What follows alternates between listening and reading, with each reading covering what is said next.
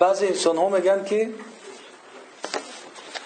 بعضی انسان ها میگن که وقتی که انسان پوسید رفت این غیر مسلمان ها نظرش همین است که وقتی که انسان پوسید رفت خاکستر شد؟ خیلی او دویم باره پوسیدگی از شد دویم باره با آدم می شود ما گفتیم که مثال آورد نطفه است که یعنی یخرج من بین صلبی و ترایی این انسان از کجا پیدا شدگی است از یک قطره آب جهنده ای که از پشت پدر استون مهره و استخوان های پشت پدر و از قفس استخوان های قفس سینه زن. و گفتیم که بعضی علما گفتن این آب نه تنها از اون منطقه های معین بلکه خلاصه تمام انسان است. تمام وجود انسان دست و سر و پا و عقلش زن تاثیر کردگی است در آب مرد تاثیر کردگی است در اون آب اینها به هم یک جا می‌شوند تأثیر خلاصه دو کائن است. است از اون انسان ها که پراکنده از دست و پا و این گوش و چشم ببینید در هر جا. خلاصه می شود در چی؟ در یک آب. در یک حجیره. اون آب بسیار حجیره ها داره. میلیون ها حجیره داره.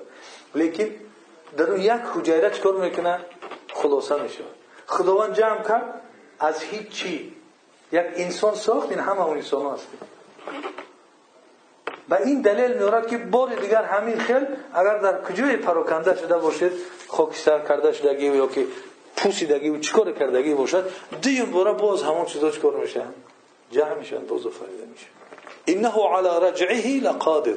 همان او به برگرداندن این انسان بار دیگر انسان کردنش قادر است. یوم تبل السرائر. دهشتناکترین دهشتناکترین چیزی هست اینجا این آیت که روزی که همه چیزهای نهان آشکار شد فاش شد همه سیرها این آیت هست. مخصوصا کسی که اگر در نزد الله سبحانه و تعالی خطاگی کرده باشد الله نافرمانی کرده باشد این هانند خطاگی ها کردگی باشد خیانت به مردم کرده باشد یوم تبل السرائر همه همه سیر همه اسرار فاش می شود همه. گفتیم که اگر انسان هر کاری را که انجام میتید در ورق بنویسد فرمان شده شود که همه کارات بنویس در پیش در ساعت هشتی سهرینده نوشته بمون. و می‌گیره یک مثلا جمعیت میگه هر کس اومده می‌خونه که همین انسان امروز چکار کرده است؟ انسان چقدر میترسدن و بعضی کاراش هم که پنهان بدارد. ولی اینجا گفت که این روز است که توبل السرائر همه اینها در اختبار و در سنجش قرار می‌گیرن فاش می‌شوند. یگان چیز نهان یگان چیز پنهان دیگر نمیموند این چیز انسان باید اندیشه بکنه که این دنیا دنیای یگان کس نیست. دنیای الله هست. الله خلق کرده است و می‌خواهد چیزی را. اینقدر رحم ما را می‌خواهد اینقدر رحم ما را می‌خواهد باز ما بنده ها جرأت می‌کنیم به انصافی می‌کنیم. در جای از خدا ترسیدن از دیگر چیز میترسیم از خدا ترسیدن شرف است. از خدا ترسیدن عزت است. از خدا ترسیدن آبرو است. از غیر خدا ترسیدن خاری و ذلت مشقت است در دنیا.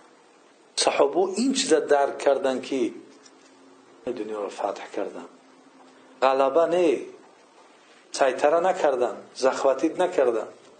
اونها فتح کردند کشادند برای مسلمان زمین یک کس برای مسلمان وظیفه کسی در کار نیست. برای مسلمان این است که راه شب بکشایند. تا به مردم گپ حق گپ الله. برسانه تمام. همین قدر کار دارد مسلمان.